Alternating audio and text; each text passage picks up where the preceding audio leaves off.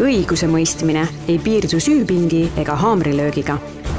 taskuhäälingus Kohtulood räägime sellest, kuidas saab kohus aidata.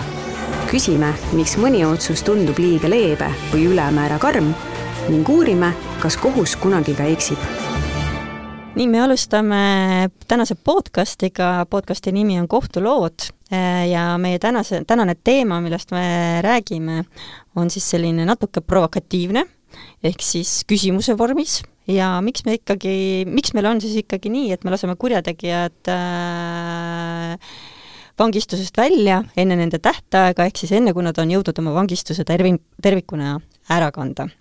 Äh, mina olen Merit Bobrõšev, Harju Maakohtu kohtunik, ma olen äh, spetsialiseerunud süüteoasjade menetlusele ja mul on täna külas äh, kaks ääretult toredat, tarka ja väga vahvat külalist. ja need on siis Mari-Liis Mägi ja Erki Hirsnik Äh, alustades Erkist, äh, siis Erki on äh, täna Tartu Ringkonnakohtu kriminaalkolleegiumi kohtunik ja lisaks sellele, et Erki on väga hinnatud kohtunik, ta on avaldanud mitmeid põnevaid tik-, artikleid, on Erki olnud kohtukoosseisu liige neis kaasustes, kus kohtukoosseis on otsustanud raskeid kuritegusid toime pannud isikute tingimisi ennetähtaegse vabastamise üle. Ja Erki kohtulahendite arvutuskäigud on alati ääretult Äh, põnevad lugeda ja ma võtan julguse öelda, et tema arutluskäigud on julged, äh, neis on selgesti äratuntav äh, nii-öelda raamist välja mõtlemine, hindamine ja otsustamine. ja minu teine vahva külaline on Mari-Liis Mägi ja kui ma Mari-Liisist räägin, siis äh, peale selle, et Mari-Liis on üks säravamaid, positiivsemaid ja tohutust energiast pakatav inimene, siis kes jõuab uskumatult palju, siis äh, kõige selle taga on ta ka kliiniline psühholoog ja kliiniline kohtu- ja korrektsioonipsühholoog. Ja minule teadaolevalt on tema erialane kirg kohtupsühholoogia ja lisaks sellele, et ta, et tal on selline väga väärtuslik, vähemalt kohtusüsteemi jaoks äärmiselt väärtuslik kirg, äh, on ta ka toimetamas siis Tartu Ülikooli Psühholoogia Instituudis äh, kohtupsühholoogia õppejõuna. nii, aga tänase teema juurde Erki, kõigepealt küsimus sulle, et äh, kui kohus on teinud süüdimõistva kohtuotsuse, karistanud süüdistatavat vangistuse, vangistusega, miks me siis üldse arutame või miks me üldse peame arutama tema tingimisi ennetähtaegse vabastamise üle? noh, kui see küsimus on minule kui kohtunikule, siis kõige lihtsam on vastata, et sellepärast peame, et seadus äh, näeb ette. meie seadusandja on niimoodi otsustanud, et selline ennetähtaegse vabastamise võimalus inimesel peab äh, olemas olema ja kohtud peavad äh, seadust täitma. noh, iseküsimus on, et, miks miks see niimoodi otsustatud on, mm, siis noh, ega ta tingimata niimoodi ilmselt olema ei, ei peaks. et ma arvan, et, et võiks olla meie põhiseaduse Euroopa Inimõiguste konventsiooniga kooskõlas ka see, et et ei ole sellist enne, ennetähtaegse vabastamise võimalust ja, ja, ja noh, siin võib-olla tõesti on erand see, need eluaegsed vangid jah, et, et mille osas siis Euroopa Inimõiguste Kohus on leidnud, et, et inimesel peab ikkagi enne surma olema võimalus, võimalus välja pääseda ja ja, ja, siin noh, ma arvan, on meie seadusandja otsustuspädevus mõnevõrra piiratud selle, selle seisukohaga aga, aga noh, nii-öelda tavaline ennetähtaegne vabastamine, et äh, see, selles osas ma arvan, et äh, põhimõtteliselt võiks seadusandja otsustada ka kuidagi teisiti mm. -hmm. aga Mari-Liis, sina psühholoogina, kuidas sina seda asja näed, et kas, kas see kuidagi võiks kaasa aidata inimese sellisele äh, ma ei tea, vangistuses kuidagi paremale käitumisele või, või kas see võiks kuidagi mõjutada tema sellist mõtlemist, tema arusaamu? see kindlasti selles mõttes, kõigepealt peab küsima, et mis need vangistuse eesmärgid on, eks ole. et kui vangistuse eesmärgid äh, parandage mind nüüd juristid, kui ma eksin, on vangistusseaduses siis ühiskonna äh, nii-öelda kaitsmine või korra tagamine,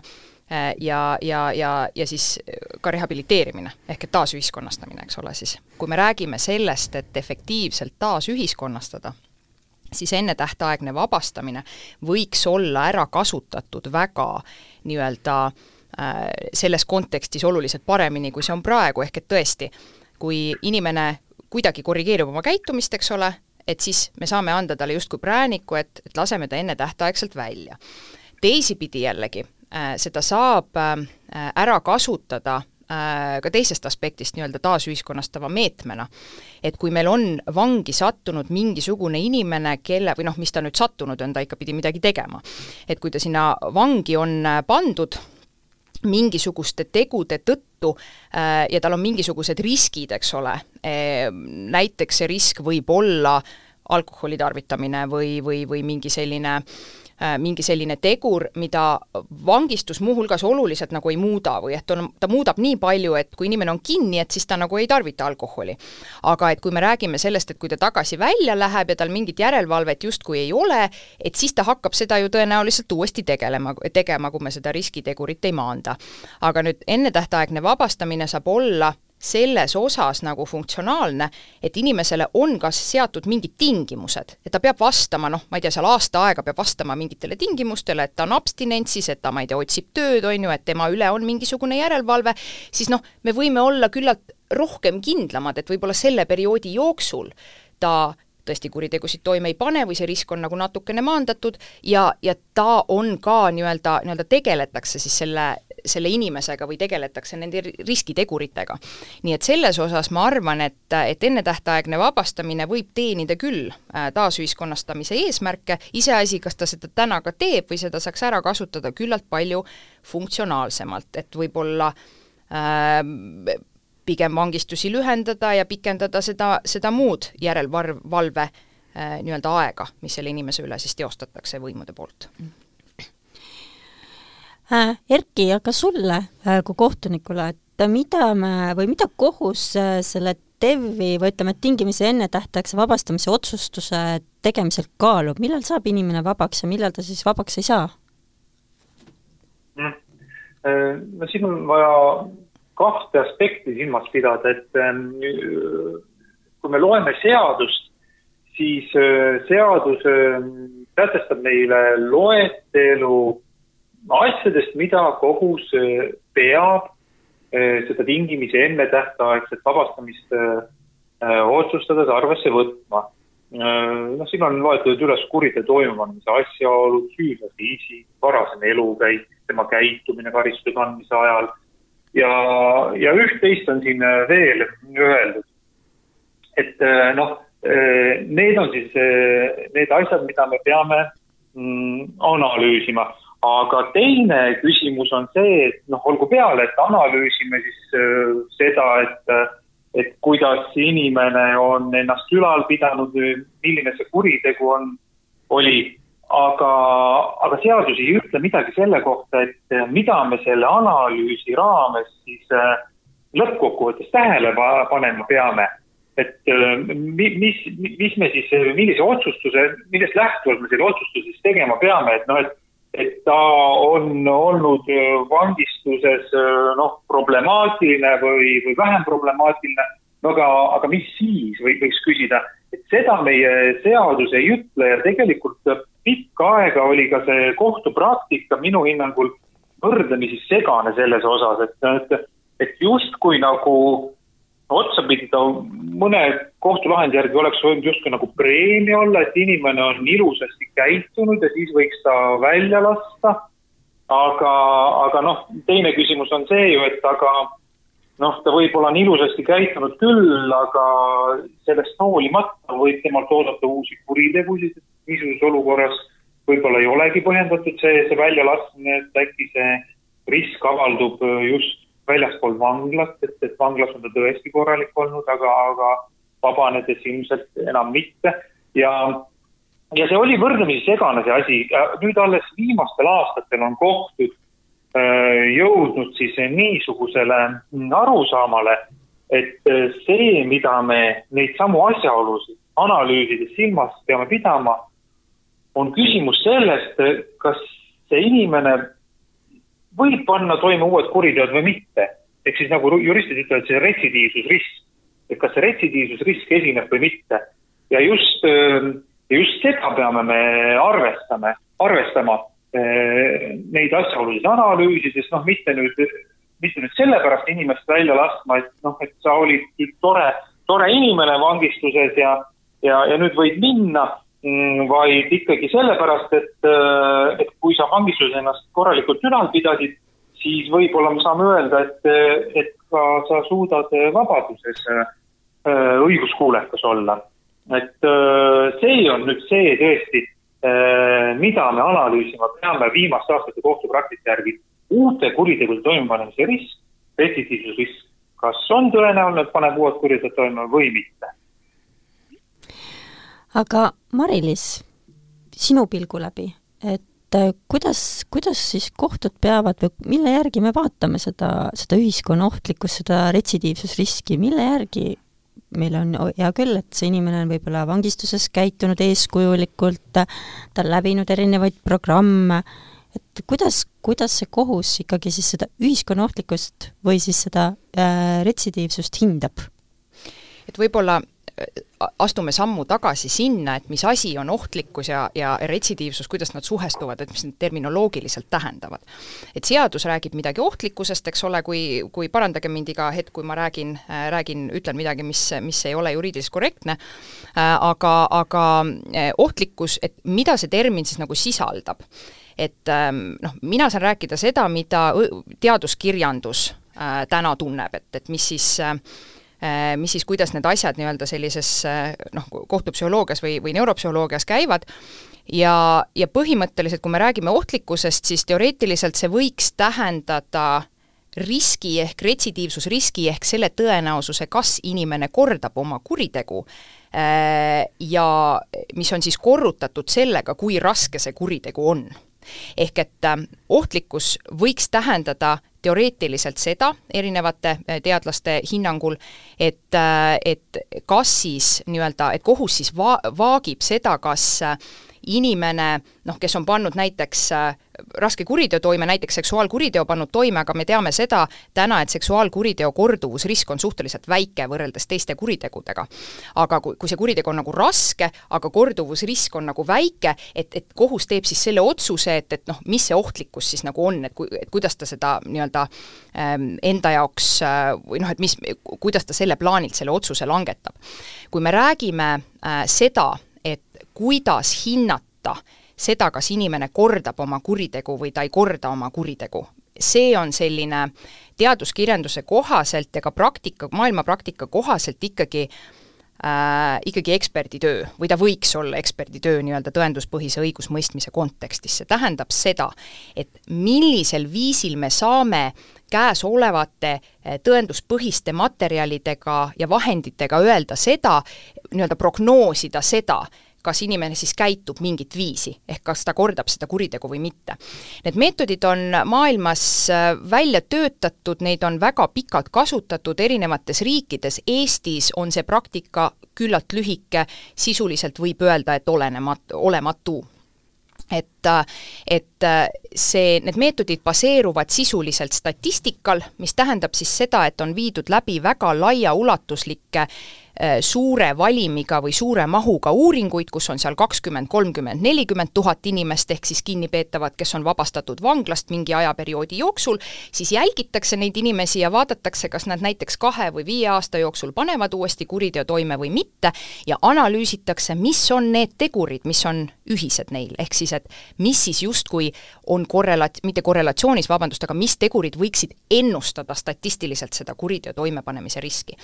me tõepoolest ei saa sajaprotsendiliselt väita mitte kunagi, kas inimene käitub kuidagi või mitte, sellepärast et neid tegureid, miks inimesed kuidagi käituvad, neid on miljoneid ja need äh, omavahel kokku komponeerides moodustavad veel rohkem tegureid, ehk et see on väga keeruline, aga me saame seda tõenäosust, nii-öelda me saame paremini tabada need inimesed, äh, kes kordavad kuritegu ja kes ei korda kuritegu, mingite, äh, siis kasutades mingeid vahendeid, ehk siis mõõdikuid, eks ole. Äh, ja, ja praegu nii-öelda see praktika, Eesti kohtupraktika on ikkagi selline, et väga vähe kaasatakse eksperte, meil on nüüd need viimased viimased eluaegsete kinnipeetavate juhtumid, kus siis hea kolleeg Margus Veem on need retsidiivsusekspertiisid teinud, siis tuginedes äh, valiidsetele meetoditele ja, ja, ja paistab, et see on ka siis selles suhtes kasu toonud. Äh, aga, aga et, et, et kui me räägime puhtalt sellest, et mida see teadus siis ütleb, et mis need tegurid on, mis justkui soodustavad kuritegude uut sooritamist. Ja just räägime siin vägivallakuritegudest, sellepärast et teisi kuritegu, kuritegude liike, on see majanduskuritegu, äh, majanduskuriteod või, või on need siis äh, riigireetmist, riigivastased kuriteod, nii edasi, neid väga ei uurita, pärast siis räägime ka miks, aga et, et vägivallakuritegude puhul on need kolm põhifaktorit, meessugu, äh, see, et on äh, kuritegu juba anamneesis, ehk et ta on sooritanud mingi vägivallakuriteo ja noor, noorus ehk et mida noorem, noorem, nooremad mehed, kes on olnud vägivaldsed, nendel on siis kõige suurem risk. sinna mudelisse, jälle sinna statistilisse mudelisse, siis kaasatakse äh, noh, on kaasatud ka näiteks psüühikahäired, äh, selline impulsiivne käitumine, haridus, äh, päritolu madalama sissetulekuga piirkonnast, sõltuvushäire, narkootikumid, alkohol ja nii, ja nii edasi. Neid mudeleid on hästi palju erinevaid, neid on välja töötatud küllalt erinevaid ja Eestis siis käesolevalt Eesti oludele kohandatud statistilisi mudeleid äh, sisuliselt ei ole, aga me oma teadusrakukesega siis praegu valideerime äh, seda, aga noh, kui nüüd kokku võtta, siis pikk jutt ja keeruline jutt, aga põhimõtteliselt äh, seda ennustust ei saa teha kõhutunde põhjal, seda tuleb teha ikkagi äh, tõenduspõhise, tõenduspõhist metodoloogiat kasutades, jah, me võime Äh, täna öelda, et Eestis valdavalt seda ei kasutata nii, nagu ta võiks olla kasutatud, äh, ja aga me peaksime sinna suunas siis liikuma, et kasutada ära kas eksperti, kasutada ära vahendeid selleks, et ikkagi, ikkagi suuta paremini seda prognoosida, sest et kõhutunde põhjal on see täpselt sama hea kui kulli, kulli ja kirja viskamine mm. -hmm Äh, Erki Marilis viitas, et äh, viimase aja kohtupraktikas on äh, olnud siis juhtumeid, kus raskeid kuritegusid ja pikaaegset vangistust kandvaid isikuid või nende sellesse otsustusprotsessi on kaasatud eksperdid, kas sa oled kasutanud eksperti ja kas eksperdi kaasamine aitab kuidagi seda otsustust kohtu jaoks lihtsamaks teha? jaa, mina olen kasutanud sellist võimalust küll paaril korral ja tegelikult äh, äh, ma juba, see oli vist kolm aastat tagasi umbes, kui ma esimest korda kirjutasin isegi ühe, ühe eriarvamuse ühele, ühele meie, meie ringkonnakohtu lahendile, kus ma äh, tegelikult viitasin sellele niisugusele ekspertiisi võimalusele, mida varem ei olnud meie kohtupraktikas üleüldse kasutatud, et, et võiks mõelda selle peale, et, mujal maailmas niisugust asja tehakse ja see oli üks, üks eluaegse vangi äh, vabastamise juhtum, äh, kus, kus ma leidsin, et, äh, et, et ekspert võiks olla siin osas abiks küll. see asi jõudis isegi Riigikohtusse, Riigikohus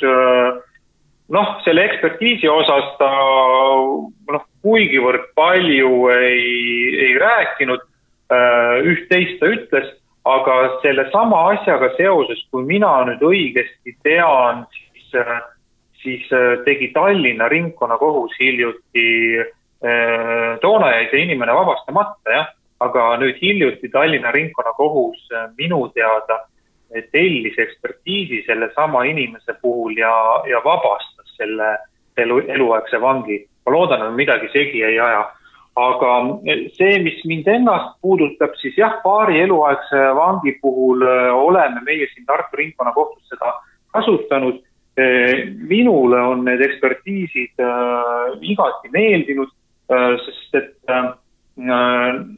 mina olen neist aru saanud, nad on, nad on teinud minu jaoks asja märksa selgemaks, selle otsustuse tegemise hõlpsamaks ja, ja, ja ma julgen öelda, et minu kolleegid jagavad seda seisukohta ka äh, suurel määral. Mm, ja, ja noh, tõepoolest ju meie ise oleme ju äh, kohtunikena, juristidena selles osas äh, noh, ikkagi võiks öelda, et võhikud, võhikud jah, et, et võrreldes võrreldes nende inimestega, kes sellega on, on teaduslikul tasemel tegelenud. Noh, ilmselt küll meie kogemus on meile ka üht-teist õpetanud, aga, aga kusagil ma arvan, et tuleb ikkagi piir ette, kus, kus on mõistlik professionaali käest ka ikkagi mingisugust sisendit küsida. Ja, ja minule on küll need ekspertiisid meeldinud, nad on tulnud asjas kasuks küsiks veel, me läheks selle teemaga veel edasi ja mul tekkis siin praegu üks selline mõte veel, et äh, kui sellesse protsessi, selle otsustusse protsessi on kaasatud ekspert, äh, kas, kas selle võrra võiks ka nii-öelda selle ühiskondlik suhtumine sellesse kohtuotsustusse olla kuidagi positiivsem või neutraalsem? Mari-Liis, mis sina arvad? No eks see, see, kuidas rahvas mõtleb või eks see niisugune grupipsühholoogia või sotsiaalpsühholoogia äh, noh, ütleb ikka, see on ju tegelikult aegade algusest peale, et ega ega, ega nii-öelda see ühiskonna õiglustunne, mis iganes abstraktne asi see siis ka ei ole või on, sotsioloogid teavad paremini öelda, aga aga et ega rahvale see nagu väga ilmselt ei meeldi, kui keegi kusagilt vanglast välja lastakse loomulikult on see noh, nii ehk naa ei meeldi, eks ole, sellepärast et ta on midagi kurja teinud ja keegi on seetõttu kannatanud ja miks me peame teda vabastama, noh, ma arvan, et siin tulevad juba noh, tegelikult nagu ka enne sai selgitatud, sellised demokraatliku ühiskonna piirid nagu ette, et seetõttu peamegi, et, et seadusandja on nii otsustanud. Äh, aga, aga et, et ma, ma usun küll, et tegelikult see, kui selgitada, kust see risk tuleb ja miks on mõistlik või, või nii-öelda kulutõhus ähm, siis inimene, inimest nagu rakendada noh, kuidagi teistmoodi kui seal vanglas, eks ole, et et, et, et ütleme, et, et seda võib tõesti kohtupsühholoog osata selgitada mõnevõrra paremini. ja, ja, ja ka need vabastamise, need, need põhjused on ju selgelt kirjas, eks ole, see on statistika, see tegelikult oleneb sellest äh, ähm, nii-öelda selle inimese teatud omadustest, mida me arvesse võtame, eh, tema ajaloost, tema isiksuse omadustest, sellest, eh, kuidas ta on käitunud ja nii edasi äh,, ja, ja, ja see on nagu kõige lähem äh, nii-öelda sellele nii-öelda faktilisele tõele ja tuleviku ennustamisele, eks ole, me ei saa seda kuidagi paremini teha, kui eh, need võimalused, mida teadus meile pakub. ja, ja seda me saame tõesti seletada, et see ei ole kellegi, kellegi enda nagu noh, selline kõhutunne või et kohtunik ei istunud seal ja siis ei mõelnud nagu välja, et noh, et võiks olla nii, aga võiks naa ja kuidagi ma pean ju otsuse langetama, aga, aga ekspert suudab seletada, tuginedes siis valiidsetele vahenditele, tõenduspõhistele vahenditele, et, et miks see otsus on niimoodi või noh, miks see peaks niimoodi olema, miks see risk selline on, noh, otsustab ju loomulikult kohus, et see on ilma küsimuseta. aga et, et, et just selle riskikomponendi puhul ma usun küll, et, et seda oleks, see oleks selgem vähemalt ja see oleks arusaadavam, et inimene võib sellega nõus olla või mitte, aga, aga vähemalt on selge. Erki, aga kui ühiskonnas on olnud äh, selline pahameel äh, kohtuotsustuste suhtes, Äh, kuidas sulle tundub, et kas, kas, äh, kas see ühiskonna pahameel on tingitud sellest, et, et me oleme inimese lahti lasknud või on see pahameel ka osaliselt põhjuseks äh, või pahale, pahameele põhjuseks see, et kohus on jätnud selgituskohustuse täitmata? ta ei ole selgitanud oma lahendit piisavalt? ja ma arvan, et see selgitamine on väga oluline. et ju tegelikult ka meie seadused nõuavad ikkagi seda, et kohus äh, kohus siis ütleks äh, seda, et miks ta mingisuguse otsustuse teeb, äh, miks ta äh, noh, et ühesõnaga põhjendaks seda. et see peaks kindlasti olema kohtulahendis kirjas ja võib-olla tõesti mõnikord ei, ei ole seda seal lahendis niivõrd selgesti kirjas, nagu ta olla võiks ja nagu Mari-Liis siin viitas, et tegelikult ju äh, noh, niisugune olukord, et äh, kui isegi see otsustus äh, lõppkokkuvõttes kellelegi ei meeldi, aga kui teda on põhjendatud, selgitatud, siis paljude inimeste silmis ikkagi selle otsustuse legitiimsus noh, ikkagi tõuseb ja nad aktsepteerivad seda, et selles mõttes on selgitamine kindlasti, kindlasti oluline ja noh, mm, kui noh, küsimus on muidugi, et kui paljud inimesed neid kohtulahendeid loevad, noh, ega neid ju väga palju ei loeta, mis on ju paratamatu, on ju, et kui me räägime siin üld, üldsusest või avalikkusest, mm, siis noh, ilmselt on ikkagi ka ajakirjandusel oluline, oluline roll siin, et, et kohtud, kohtud ju viimasel ajal ikkagi on ka selle noh, ajakirjandusega suhtlemise osas ju muutunud avatumaks, kui nad varem olid, noh, mitte nüüd ainult selle ennetähtajaks vabastamise menetluses, vaid üleüldse. ja ma arvan, et see on ka ikkagi õige, et, et just nagu, mis puudutab seda meie töö, töö selgitamist, et, et inimesed seda, seda mõistaksid, et et ma arvan, et seda, seda tööd me peame tegema nii oma otsuseid kirjutades kui ka noh, vajadusel ikkagi ka avalikkusega kas või läbi ajakirjanike siis suhelda. see on oluline, ma arvan küll, jah aga ma natukene nüüd õhkõrnalt muudan teemakäsitlust ja mitte, et me läheksime nüüd tingimisi ennetähtaegse vabastamise temaatikast kusagile kaugemale, aga see teema, mille ma siis meie vestlusesse sisse toon, on avavangla. ja miks minu jaoks on üldse seda teemat oluline käsitleda, et äh, nagu ma alguses ka ise märkisin, et ma olen ju ise samamoodi süüteoasju lahendav kohtunik ja niisamuti on äh, tulnud mul ka endal lahendada siis tingimisi ennetähtsa, tähtaegse vabastamise küsimusi. ja mu enda praktikas on samuti näide siis äh, eluaegse äh, karistuse saanud isiku tingimisi ennetähtaegse vabastamise otsustamine ja minu kõige suuremaks murekohaks oli see, et jah, nii-öelda need formaalsed eeldused olid täidetud selle inimese puhul, aga kui ma talt küsisin, et, äh, et kas sa oled kunagi selle vangistuse perioodi jooksul üksinda, ilma järelevalveta vangistusest või kinnipidamisasutusest kusagil väljapool viibinud, siis ausalt öeldes minu jaoks oli see vastus, et ta ei ole mitte kunagi ilma järelevalveta väljas viibinud, äh, halb üllatus. Ja miks, sellepärast et kui me võtame aja kakskümmend viis aastat tagasi, siis meie ühiskond on muutunud igas mõttes, meil ei ole neid asju enam, mis meil oli kakskümmend viis aastat tagasi. et äh, milline või kuidas teie näete seda avavanglat, et äh, Mari-Liis, äkki Sõnne? See noh, kui me räägime nüüd praktikast, ma võin paralleeli tuua kohtupsühhiaatrias, et kui äh, paljudes riikides kohtupsühhiaatrilistes asutustes ka, kus inimesed on viibinud väga-väga pikalt, äh, siis enne seda, kui nad äh, on valmis välja minema ühiskonda tagasi, siis rakendatakse väga erinevaid meetmeid, noh, kõigepealt lastakse inimesed käima oma pead, võib-olla järelevalvega, siis oma pead, siis lastakse nad nii-öelda koju käima mitmeks ööks ja nii edasi, eks ole, et sa hakkad justkui harjutama seda inimest tagasi ühiskonda, et ta seal toime tuleks, et need nii-öelda sellised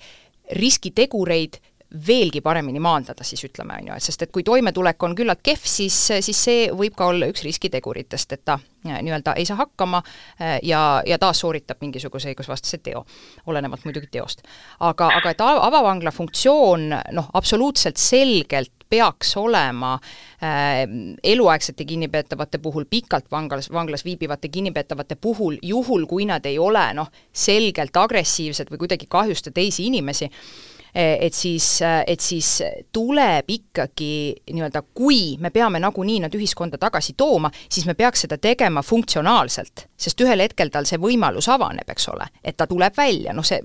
võimalus tekib nii ehk naa seaduse kohaselt, mis tähendab seda, et vangla peaks need inimesed või püüdma vähemalt neid inimesi nagu ette valmistada selleks, et nad võivad välja minna, mis tähendabki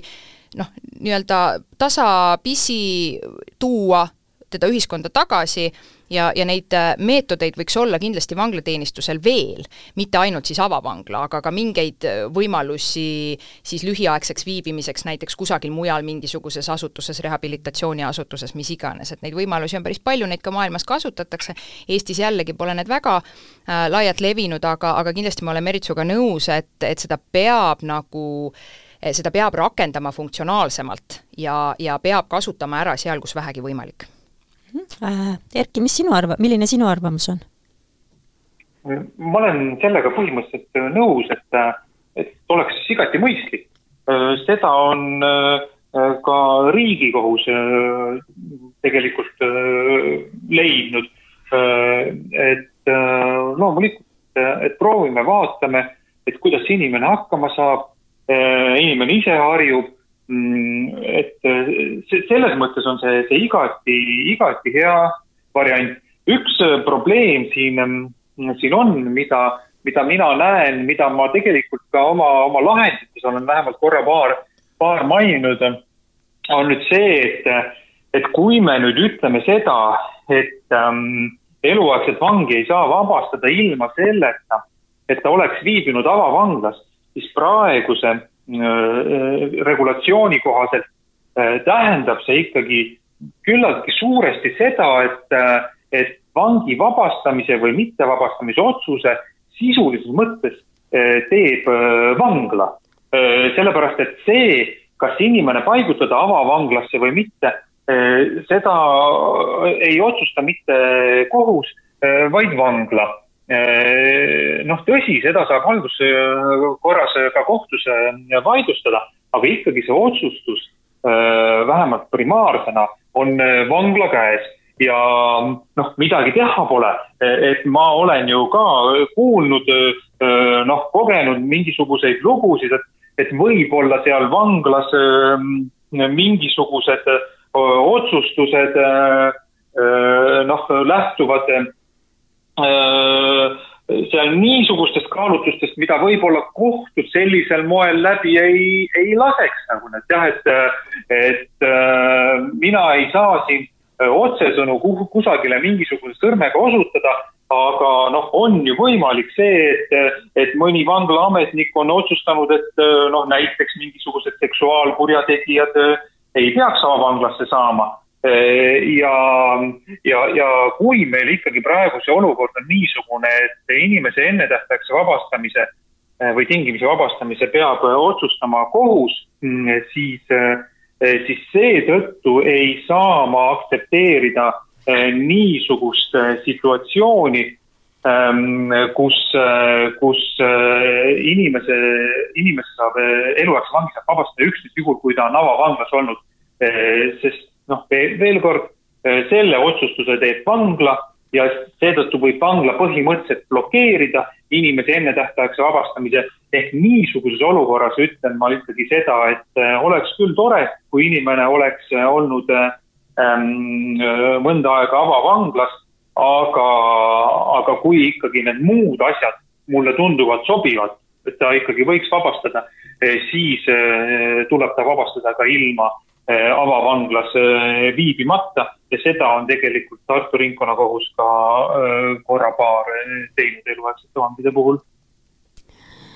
meie tänases vestluses on mitu korda leidnud kordamist selline sõnadepaar või sõna seksuaalkurjategijad. me ei saa sellest kuidagi mööda minna, aga kuidas me hindame seksuaalkurjategijate puhul uue kuriteo toimepanemist ja kas see võiks ka siis kuidagi seal vangistuses väheneda, see oht, nendest lähtuv oht, või siis on seal mingisugused muud mõjutused, mis, mis aja jooksul võiksid seda ohtu vähendada? Äh, siin äh, tegelikult seksuaalkuritegude puhul on mõned, et noh, kui, kui neid võrrelda selliste muude vägivallakuritegudega, siis seal on teatud mööndused, ehk siis teatud erinevused, et äh, kindlasti äh, üks päris suur riskitegur, mis ära seletab sellest nii-öelda mudelist suure osa, on selline parafiilne käitumine, ehk siis teatud sellised seksuaalsed, seksuaalsed kõrvalekalded patoloogilisel tasemel, eks ole, kui me räägime noh, et inimene on siis seksuaalselt teda erutavad siis lapsed, loomad, puud, noh mis iganes, eks ole, mis me parafiilia all nagu Äh, silmas peame. et, äh, et, äh, et, et see on päris suur osa, aga jällegi meessugu, noorem vanus, see, kas ohver on nii-öelda sugulane või võõras, see, kas on toime pandud varasemalt muid kuritege-, noh, muud, muud, teinud muid õigusrikkumisi ja nii edasi, et et, et selles mõttes need teatud erisused on üldise, üldise siis sellise vägivaldse kuritegevuse puhul, mida siis teadus välja toob ja mida me arvestama peame, aga jällegi see lähtub sellest mõõdikust, mida konkreetselt kasutatakse. hea meel on tõdeda, et Eesti Vabariigis täna on valideeritud mõõdik staatika Static kaks tuhat kaks R, äh, mis siis on, äh, mida siis saab kasutada selliste äh, teatud riskifaktorite hindamisel, siis seksuaalkurjategijate ennetähtaegsel vabastamisel. Aga kas, mida vanemaks inimesed saavad, seksuaalkurjategijad, kas risk väheneb? risk väheneb, risk väheneb tugevalt kõigil, kõigil inimestel risk väheneb, kui nad vanemaks saavad, ehk et tegelikult on siin see, et et, et see, see on üks kõige suuremaid nii-öelda selliseid äh, fakt, nii-öelda faktoreid, mis, äh, mis, mis muutub sisuliselt. inimene ise ei saa seda kontrollida, aga ta põhimõtteliselt väheneb statistiliselt küll, jah. Erki, kas sina soovid siia juurde midagi, mingeid mõtteid avaldada? no mis neid seksuaalkurjategijaid puudutab, siis äh, noh, tõepoolest, et ilmselt see teema on selline, mis erutab laia avalikkust ja ma kujutan ette, et ega ka juriste Äh, võib-olla äh, puudutab see äh, rohkem kui, kui mõni muu kuritegevuse liik ja mm, noh, tegelikult siin juba eelnevalt Mari-Liis jutust käis läbi ja, ja kohtud ju ka tegelikult niimoodi seda asja te, näevad, et me ei vaata üksnes seda, kui suur on tõenäosus, et inimene paneb uue kuriteo toime, vaid me ikkagi võtame arvesse ka seda, millist liiki kuriteoga võiks tegemist olla? Ja kui on ikkagi inimesed karta mõnda rasket kuritegu, siis me tahame ikkagi, et see eh, tõenäosus, et ta uue kuriteo sooritab, oleks ikkagi eriti väike. Ja noh, seksuaalkuriteod on ju rasked, rasket liiki kuriteod, mispärast siis seksuaalkurjategijaid peaks lahti laskma ikkagi Äh, vaid siis, kui, kui see uue kuriteo risk on tõesti, tõesti pisike. aga tõsi on äh, minu meelest ka see, millele Mari-Liis viitas, et, et seksuaalkurjategijate puhul on küllaltki tihti, ka mina olen neid uuringuid, mõningaid vähemalt lugenud, äh, see, see risk on, on väike, eriti veel selle intsesti puhul, et seda on kah uuringud näidanud, et kui inimene kasutab ära oma pere last, eh, siis ta väga harva paneb eh, uue kuriteo toime. vot ja siin tekivadki need käärid, et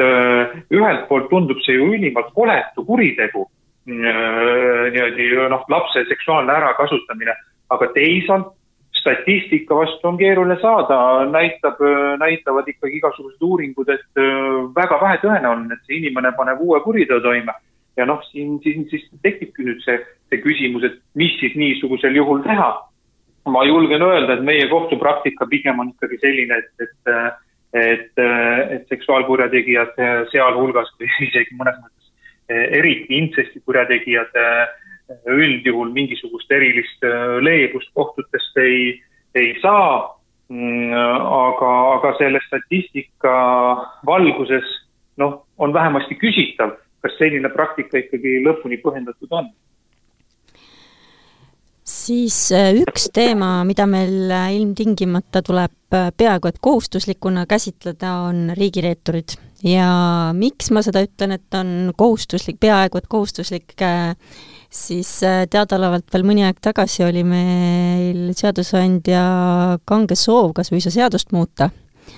et äh, Erki, mis, kuidas sulle selline või milliseid emotsioone sul selline mõte, mõte üldse tekitas, kas ta üldse tekitas? Äh, negatiivseid emotsioone tekitas selline mõte, et äh, sellised noh, nagu üld, üldiselt mul tekitavadki negatiivseid emotsioone sellised seadusandja aktiivsuspuhangud, mis on tingitud mingitest konkreetsetest olukordadest ja kus siis seadusandja leiab, et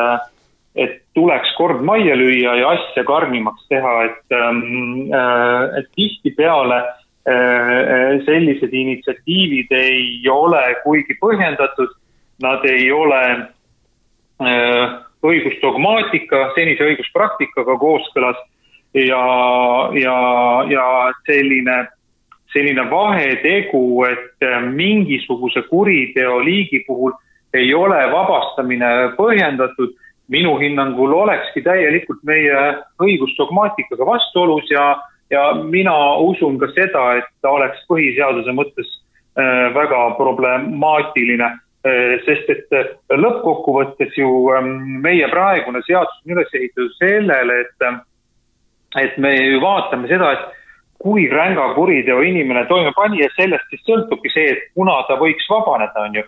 Aga, aga see, kui ränk see kuritegu on, see ju väljendub tema karistusmääras, ehk siis noh, ütleme, et öö, öö, lihtsamalt öeldes vangistuse pikkuses. ehk siis, kui keegi on saanud kümme aastat vangistust, siis tegelikult me ju peaksime ütlema seda, et selle, selle teo ebaõiguse määr on noh, kõigi inimeste puhul, kes on kümne aasta vangistust saanud, ühesugune, sõltumata sellest, kas ta siis sai selle tapmise eest, riigi reetmise eest, vägistamise või, või millegi, millegi muu eest. Ja, ja, ja, ja, ja kuidas me siis nüüd saame öelda, et, et aga vot selle kümneaastase vangistuse saanud inimese ennetähtaegne vabastamine ei tule kõne alla. minu hinnangul ei saagi me seda väga loogiliselt kuidagi põhjendada. Ja, ja seetõttu niisuguste initsiatiivide suhtes olen ma kriitiliselt meelestatud. Mari-Liis, kas riigireeturid on kuidagi siis ohtlikumad, kuidagi pahatahtlikumad, kas nendest lähtub kuidagi suurem roht, retsidiivsus? selle kohta ma küsi-, ütleks, et jumal seda teab, sellepärast et riigireetureid üldse maailmas on suhteliselt vähe. selleks, et sul, äh, et sa üldse saaksid mingit statistikat tekitada, sul peab olema suur kogus inimesi, kes ta-, teevad uuesti sama kuritegu, mis nad tegid. esiteks, me ei saa neid kätte, sest et nad tõenäoliselt on teises riigis juba selleks ajaks, eks ole. või need, või neid ongi tegelikult ju väga-väga vähe, et, et noh, Eesti Vabariigis nii-öelda uurida äh, riigireeturite retsidiivsust on võimatu, palju neid on, issand, ma ei tea, viis või noh, okei okay,, võib-olla mu teadmused ei küündu nii, nii, nii kaugele ja nad on nagunii vanglas või siis on juba surnud või, või on nii vanad, et noh, nemad enam midagi ei tee. Et, et selles mõttes ka, kui me vaatame oluliselt suuremaid riike, siis noh, tegelikult äh, põhimõte selles, et teaduskirjandus ei ütle meile seda, sellepärast et äh, seda uurida on väga-väga keeruline, kui mitte võimatu, äh, sest me ei saa seda korduskuritegude arvu lihtsalt kokku meil, kui meil on vaja vähemalt sada korduskuritegu, ehk et meil on vaja sada riigireeturit, kes on riiki uuesti reetnud ja uuesti vahele jäänud, no see peaks olema väga loll inimene nagu, et noh, neid võib-olla väga palju ei ole et kui ta juba riigi, riiki reedab, et siis ta võiks nagu natuke ikka seal kupli all midagi olla. Aga, aga, aga et, et et, et selles mõttes, kui mõelda, et miks inimesed käituvad nii, nagu nad käituvad, no ega täpselt ei tea, eks seal spekuleeritakse küll, et tõenäoliselt on teatud mingid sellised isiksuslikud teatud külmad jooned, kas need on psühhopaatilised, kas need on sellised teatavad nartsissistlikud jooned, kas see on selline üldine vähenenud ärevuse tase, kus siis teatud aju need piirkonnad, mis tegelevad emotsioonidega, reageerivadki vähem, eks ole, ta, ta vajab nagu sellist või suudab funktsioneerida väga pingelises keskkonnas, nii edasi. Neid hüpoteese on erinevaid ja tõenäoliselt äh, keegi kuskil neid uuringuid teinud on, aga, aga selline üldiselt, äh, kui ma nüüd teadusandmebaasides käisin, käisin surfamas, siis ma ei leidnud mitte ühtegi. nii et, äh, nii et sisuliselt ma jään, jään siinkohal vastuse võlgu, et ma ei tea, kas nad kordavad või ei korda, ja me ei saa seda ka tõenduspõhiselt ennustada, nii et vaadake, see on küll nüüd üks valdkond, kus te kohtunikud peate nagu ise nagu pead kokku panema ja mõtlema, et mis te siis nagu teete. et, et natukene seda abi võib ju väljastpoolt tulla, et noh, tõenäoliselt noh, selles mõttes, et tõesti, et mis see, mis see inim-, mis need inimese muud riskitegurid siis on, kas ta on, ma ei tea, seal alkohoolik või või on ta äh, noor või mees või et noh, siis võib ju mõelda, et üldine riskitase võib ka nagu kõrgem olla, et äkki siis on risk riiki reeta ka kõrgem, aga aga üldjoontes jah, ma jään siin sellise spetsiifilise vastuse võlgu mm. -hmm. aitäh! Äh, kuna meie saateaeg hakkab äh, juba läbi saama, äh, siis üks kiire küsimus. ja see küsimus seondub selle mõttega, et praegu lahendavad tingimisi ennetähtaegsete vabastamise taotlusi kohtud ja on targad inimesed välja mõelnud ja on öelnud äh, välja selle, et äh, kohus ei peaks neid mitte ra-, äh, läbi vaatama ega arutama, vaid selle raske koorma peaks enda kanda võtma ekspertidest koosnev komisjon või mis iganes, kuidas seda nimetada, et Erki, sulle, mis, kuidas sulle tundub see mõte? Pigem ma pooldan seda mõtet, sest noh, tõepoolest see noh, millest me siin oleme rääkinud, terve selle saate on ju, on ju see, et noh, lõppkokkuvõttes on see ennustamine, on ju. noh, ennustame tulevikku ja noh, ega, ega me seda noh, ju, juura üldiselt ju, see ei ole see, millega juura ju üldiselt võiks tegeleda, et jah, et, et see õiguse kohaldamine. seetõttu ma kipun olema nõus nendega, kes väidavad, et ega see ennetähtaegne vabastamine ikka nüüd päris õiguse mõistmine ei ole. ja noh, tegelikult ka nii palju, kui mina olen lugenud seda, seda kirjandust, siis on tegelikult ju võimalik ju väga paljud sellised küsimused küllaltki edukalt otsustada äh, noh, andmemassiivide abil, ehk siis sellele viitas ka hiljuti ka Riigikohtu esimees, et tegelikult võiks ju tehisintellekt seda asja otsustada, et noh, see, millele Mari-Liis siin mitu korda on viidanud, et need riskitegurid on meil ju teada eh, ja kui me paneme need vastavasse programmi sisse, eh, siis, siis võiksime ju saada võrdlemisi okei okay vastuse. Ja tegelikult statistika on näidanud seda, et see, see vastus on tihtipeale parem kui, kui see, mille on välja pakkunud kohtunik. ja, ja kui nüüd tõesti mingites olukordades veel seda seda ütleme, tehisintellekti eh, poolt eh, antud sisendit, eh, sellest käivad üle ka mingisugused spetsialistid, no mitte tingimata juristid, vaid, vaid just mingid muud laadi spetsialistid, siis võiks see tulemus ehk olla tõesti isegi, isegi parem kui, kui see, mis ta, mis ta senimaani on, on olnud, nii et põhimõtteliselt ma leian, et see, see suund on, on õige. Mari-Liis mina olen sisuliselt nõus, aga see koht on just täpselt see, et meil on vaja neid vahendeid, meil on vaja, et riik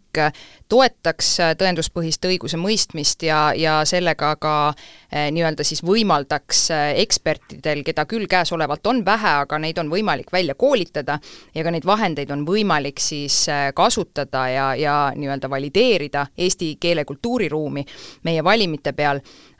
et, et see tuleb lihtsalt ära teha ja loomulikult miks mitte, et eks seal kaalutlusõigus alati jääb raskemate Äh,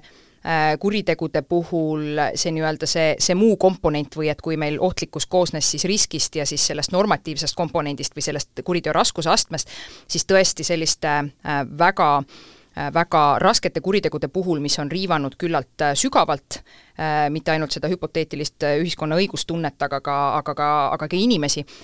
siis, siis, siis seal võiks tõesti midagi veel lisaks olla, et me päris seda ei automatiseeriks, aga, aga kindlasti statistika on see, mille põhjal neid otsuseid langetada, kas siis retsidiivsusekspertiisid nii-öelda selliste raskemate asjade puhul või, või siis ekspertidest koosnev komisjon Äh, võib olla tõesti, tõesti lahendus äh, sellele, mis, mis tegelikult äh, nii-öelda kohtuniku töö teeks kergemaks või annaks rohkem aega tegeleda siis sisuliste, sisulisemate asjadega. Nii, aga me olemegi jõudnud nii kaugele, et me peame lõpetama, et teema on ju põnev, rääkida oleks veel palju, aga kui aeg on sealmaal, siis on aeg sealmaal, seega ma veel kord tänan oma toredaid saatekülalisi ja uute kohtumisteni! aitäh! aitäh! õigusemõistmine ei piirdu süüpingi ega haamrilöögiga. taskuhäälingus Kohtulood räägime sellest, kuidas saab kohus aidata. küsime, miks mõni otsus tundub liiga leebe või ülemäära karm ning uurime, kas kohus kunagi ka eksib